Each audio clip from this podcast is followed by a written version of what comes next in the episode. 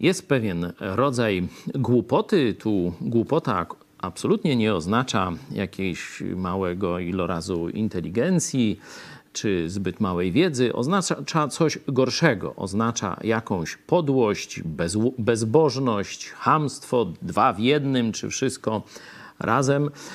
I zawsze z takimi ludźmi, czy tego rodzaju wypowiedziami jest kłopot, jak na to zareagować, bo Zareagujesz źle, nie zareagujesz też źle. No i podobny dylemat miał Salomon. Zobaczcie, 26 rozdział, wersety 4 i 5.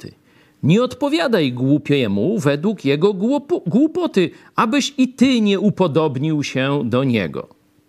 Odpowiedz głupiemu według jego głupoty, aby się nie uważał za mądrego. Rozumiem, że są więc jak gdyby dwa poziomy tej podłości, głupoty, bezbożności, e, braku honoru i różnych takich rzeczy.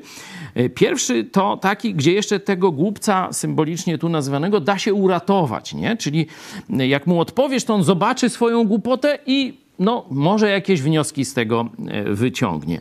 Drugi rodzaj głupców i głupoty, no to jest taki, że mu nic nie pomoże, a ty odpowiadając mu się sam zniżasz do jego poziomu i sam siebie w jakiś sposób ośmieszasz. I e, ja też jestem przecież obiektem przeróżnych jakichś zaczepek, utarczek, tam jakichś e, filmów nawet, gdzie liczą, że ja im odpowiem no to zrobię to raz. Słowami Żyda i Polaka Juliana Tuwima. Próżność repliki się spodziewał. Nie dam ci psztyczka ani klapsa.